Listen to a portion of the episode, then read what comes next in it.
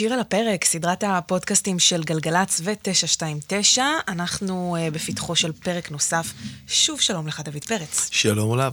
תשמע, השיר הבא שלנו הוא למעשה שיר ממחזמר, uh, שהפך uh, להיות uh, שיר לכל דבר, שיר שכולנו uh, מכירים, או לפחות מצלצל uh, לנו מוכר.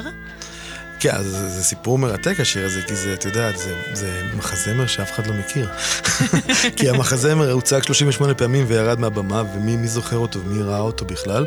וזה סיפור שמתחיל מזה שבאי שם, בתחילת שנות ה-60, הקאמרי, התיאטרון הקאמרי, מרגיש שיש הרבה מחזות זמר בארץ ישראל, מעלים את אוליבר, שלמה מלך, שלמה הסנדלר, והוא רוצה מחזמר, אבל הוא רוצה מחזמר שמחובר עמוק עמוק ל...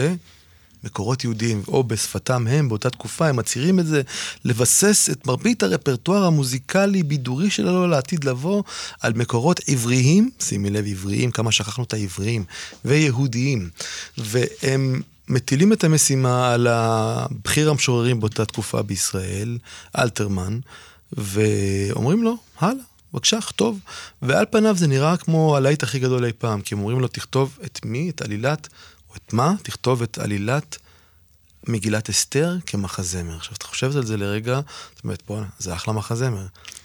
נשים, גברים, סיפורי מלכים, אהבה. סיפורי אהבה, סיפורי רצח. קנאה. ניסיון, כן, הצלה. יש פה את כל מה שרוצים בסיפור ממש טוב, עלילה דרמטית מטורפת, ואלתרמן מקבל את המשימה. ו... זה צריך להגיד, זה אלתרמן שתרגם לעברית את שלמה המלך ושל מאיה סנדלר. כן, כן. אה, מחזמר סופר מצליח אה, בתולדות זה בטוח הבימה. שזה, בטוח שזה, בטוחים, כולם בטוחים שזה הולך להיות הלהיט הכי גדול של מאז ומתמיד, וזה הולך, הופך להיות פלופ ענק. ממש לא מצליח בצורה מזעזעת, במובן הזה שאין אפילו תיעוד של הדבר הזה, לא מצלמים לו כלום. גנזו. ככה, כן, העניין. ממש, אחרי כמה שלושים ומשהו הצגות, פשוט גונזים את זה, ו, והסיפור הוא מעניין, כי אלתרמן, אין לנו הסבר למה, אבל הוא, הוא בוחר לעשות משהו מאוד מוזר, הוא מוציא מתוך המחזמר את, או, את הדמות של המן ושל מרדכי. זאת אומרת, שתי דמויות מרכזיות, הוא שם אותן כדמות משנית, את אסתר המלכה, שזאת... הדמות במחזמר, הוא הופך גם כן באיזשהו מקום לדמות קצת משנית, והיא בכלל נערה... מאבדת uh, מהתכונות שלה, זאת אומרת, היא כן. יפהפייה הופכת... Uh... נערה לא כל כך יפה, נקרא לזה אפילו, בלשון המעטה, ואלתרמן, שהוא ידע להיות uh, קשוח כלפי נשים, ו, ועדיין הסיפור שם בעצם מקבל טוויסט מאוד מאוד מוזר, הוא גם בכלל, הסיפור מתחיל מתל אביב של שנות ה-60, שבא איזה מלומד אחד, חוזר בזמן יחד עם בעל חנות שטיחים פרסים בשם בהלול. הם חוזרים ביחד בזמן, והם בעצם משוטטים בשושן של פעם, וכאילו יש בזה איזשהו עניין של הסתכלות מודרנית על מה שקרה אז, ובהמשך... אה, אה, יש שם בעצם שני גיבורים, נכון? כן, המלך. המלך והליצן. והליצן. שתי דמויות שאלתרמן אהב גם לפני כן, הלץ שאומר את הדברים שכולם חושבים, אבל לא נעים, אבל מותר לו, הוא בעצם הקול של האנטיתזה בתוך החברה, שמאפשרת להגיד דברים גם שהם קשים, גם שהם לא נעימים, אבל במקרה הזה הוא גם מאפשר למלך להגיד לו דברים, אולי הייתי אומר, על מלכותו, דברים מאוד מאוד לא פשוטים. נוקבים. נוקבים, כן. ואותו מלך הופך אה, במחזמר הזה של הבימה, אסתר המלכה, אה, למלך אה, קצת... מה, איך להגדיר אותו? ילדותי. ילדותי וקצת תלותי. לא חכם במיוחד. לא, לא, ממש לא חכם. אחשוורוש פה במחזמר הוא דמות מאוד מאוד ילדותית, אה, קצת הייתי אומר כמו איזשהו אה, ילד שלא ממש יודע לספק את אה, צרכיו, ובעצם סתם רוצה דברים, זז ממקום למקום, לא לגמרי דמות מובנת. למעשה ניכר שהדמות שאלתרמן הכי אוהב זה הלץ. זה שמספר לכולם את הסיפור, ואני חושב שלא במפתיע, השיר ששרד מכל המחזמר הזה, זה השיר הזה שאנחנו מדברים עליו עכשיו, שיר ארס, שאותו שר אה, הלץ למלך, שהוא אפילו אומר לו, שים את ראשך על ברכיי, מלטף לו את הראש, המלך עוד אומר לו, אולי נאכל איזה רבע עוף שמן לפני שאנחנו הולכים לישון. מלך ו... גרגרן כזה, מאוד. תאוותן. כן, כי, כי, זה, כי זה המלך, זה התחושה של הרצון האנושי לעשות את הדבר ועד הקצה, את יודעת, זה המלך שרוצה להיות ראפר כזה, עם כל הבלינג וכל הזהב הנוצץ. אבל... אז אולי בכל זאת רבע עוף? לא. לא. סוף.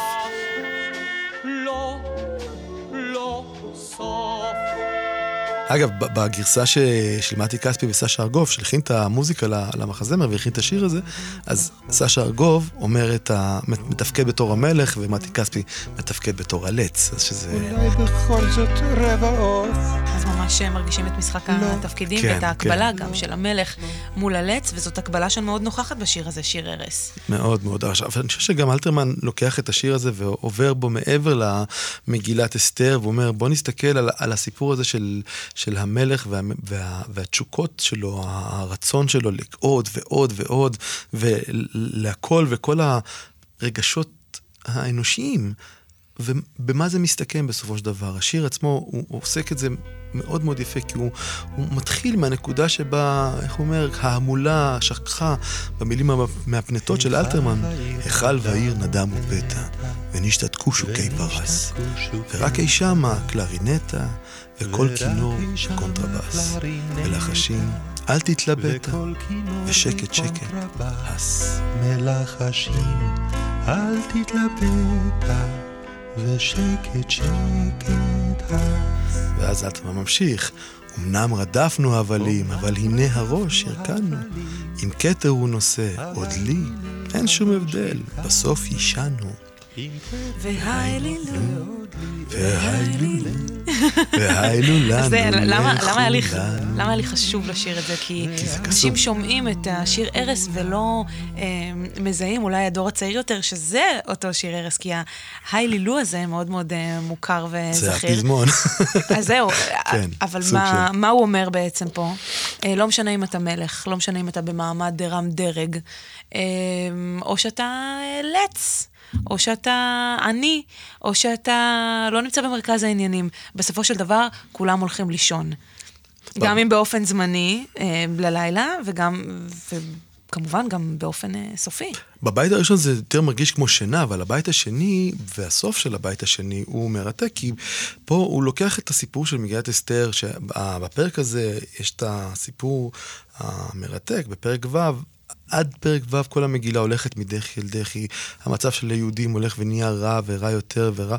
ופה בפרק הזה, בלילה ההוא נדדה שנת המלך, הרגע שכל המחזה משתנה, כל העלילה משתנה ומתחילה לטפס מעלה, אז אלתרמן אומר, אוקיי, זה מעניין, הנדודי שינה האלה של המלך שבמחזה קצת קוראים להצלה, פה הם משמשים בתור דיון, הרהור, נקרא לזה אקזיסטנציאליסטי על מצבו הקיומי של האדם, מה זה אומר להיות הקיום, מה משמעות הקיום. ובבית השני הוא הולך אפילו מעבר, ואומר... כל רוגז וחמות וטורח. כל רוגז וחמות וטורח, ותאוות וחירוק שן, כל הדברים שאנחנו עושים ביום-יום שלנו, המרוץ המטורף הזה. הכל עובר וחולף. חלפו עברו כעוברי אורח. ואיך אומר המלך? שיעברו, אני ישן. גם שאלות לשאול אין צורך ואין תועלת אין. אבל אלתרמן מבריק פה, כי בסופו של דבר, כשהוא מגיע אל הסוף של הבית הזה, הוא מגיע אל הדבר שבאמת נשאר איתנו. ומה נשאר איתנו? הוא אומר, רוב מנגינות יש וצלילים. אך שיר ההרס שידענו, ושנחבא אל הכלים, רק הוא בסוף נשאר איתנו. מכל הדברים שיש לנו בחיים, מה נשאר איתנו? הדברים שצברנו, הכסף בבנק, רק המוזיקה ושיר ההרס, הדבר שקושר אותנו לילדותנו, הדבר שהוא בעצם הילד הפנימי שבתוכנו שמלווה אותנו לאורך כל חיינו, הוא זה שנשאר איתנו בסוף כל המנגינות המפוארות והכל. אנחנו תמיד נשארים עם המנגינה של שיר ההרס ששרנו כשהיינו קטנים, ואת השיר ההרס שמרדים אותנו ומלווה אותנו בעצם עד הסוף, כמו שהוא ממשיך בסוף השיר, ואת רואה שמה. נום הדרך, בא הקץ, נום המלך, בא הלץ. נומו רוח ומפרש, ירגעו תולדות פרס, ואז המלך שסוף סוף נרדם אומר, שיכבו את הפנס. כן, כן, אז. שיכבו את הפנס. כן, כן. טוב, זה כל כך אה, דרמטי, אני באמת, זה שיר ממחזמר. אה, והוא מצליח בצורה פשוט מופלאה, אלתרמן, אה, להנגיש את ה... הנושא הזה. את ו... הסיפור בכלל, כן, להנגיש את התחושה הזאת שאפילו שיר של ארס הופך להיות שיר דיון לגבי מה משמעות החיים, מה מהות החיים. וזה די מפתיע שהוא מגיע לשם אה, מתוך מגילת אסתר. זאת אומרת, הוא עושה במגילה כבשלו.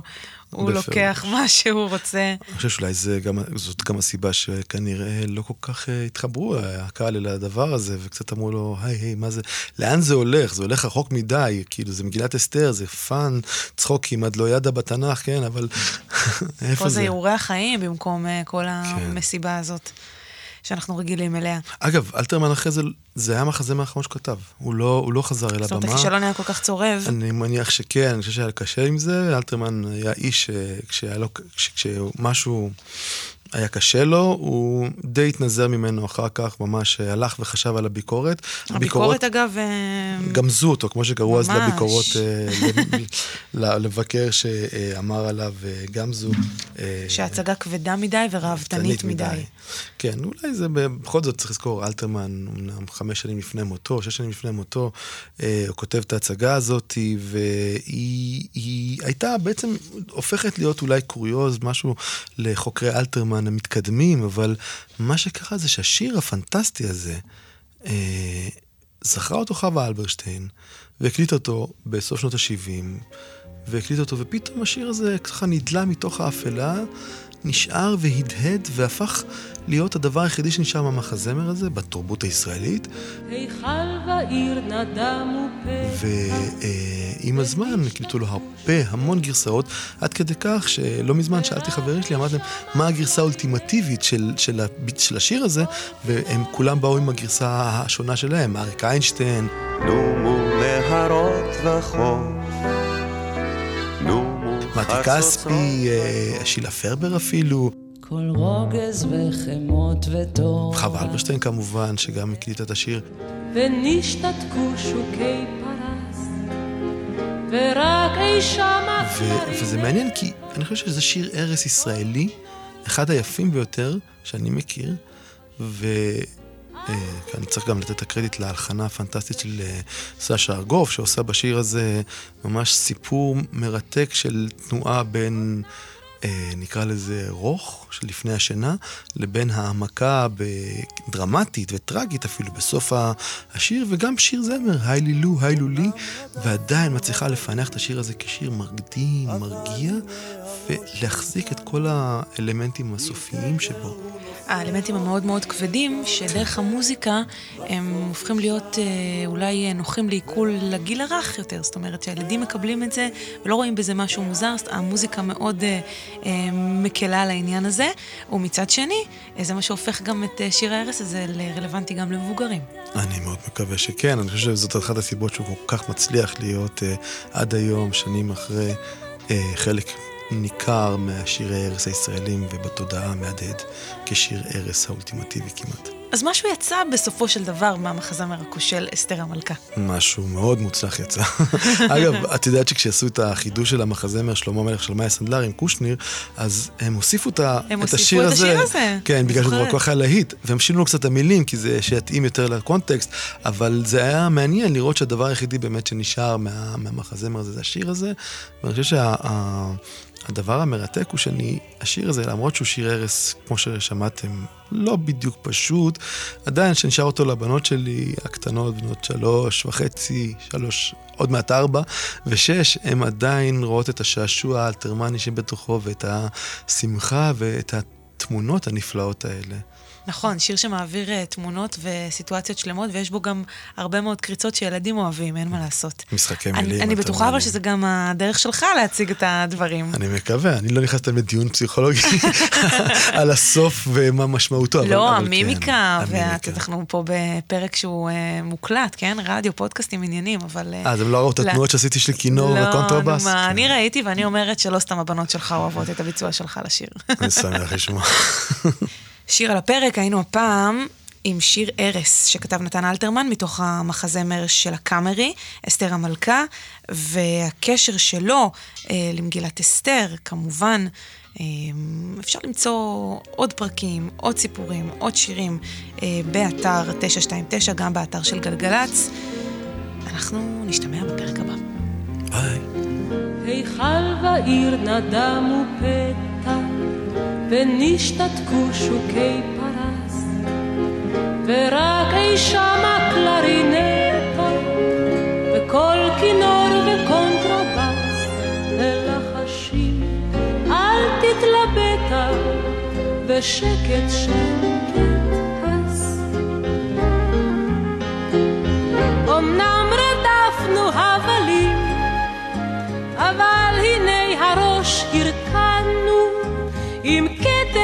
נושא עוד לי אין שום הבדל, בסוף אישן הוא, ואי לי לו, ואי לו לי, ואי לי לנו לכולנו.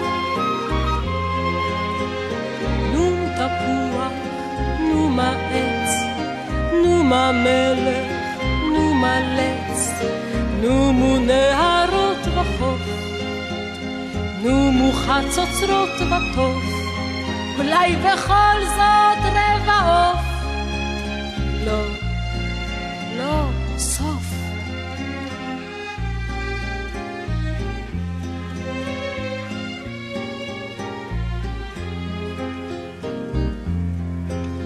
כל רוגס וחימות וטורח ותאוות וחירוק שן עברו חלפו כעוברי אורח שיעברו אני ישן גם שאלות לשאול אין צורך ואין תועלת אין. רוב נגינות יש וצלילים אך שיר הארס שידענו ושנחבא אל הכלים רק הוא בסוף נשאר איתנו נשאר ושר הניחו לי הניחו לנו לכולנו נו מדרך בא הקץ נו מהמלך בא הלץ נו מרוח ומפרש הרגעו תולדות פרס שיכבו את הפנס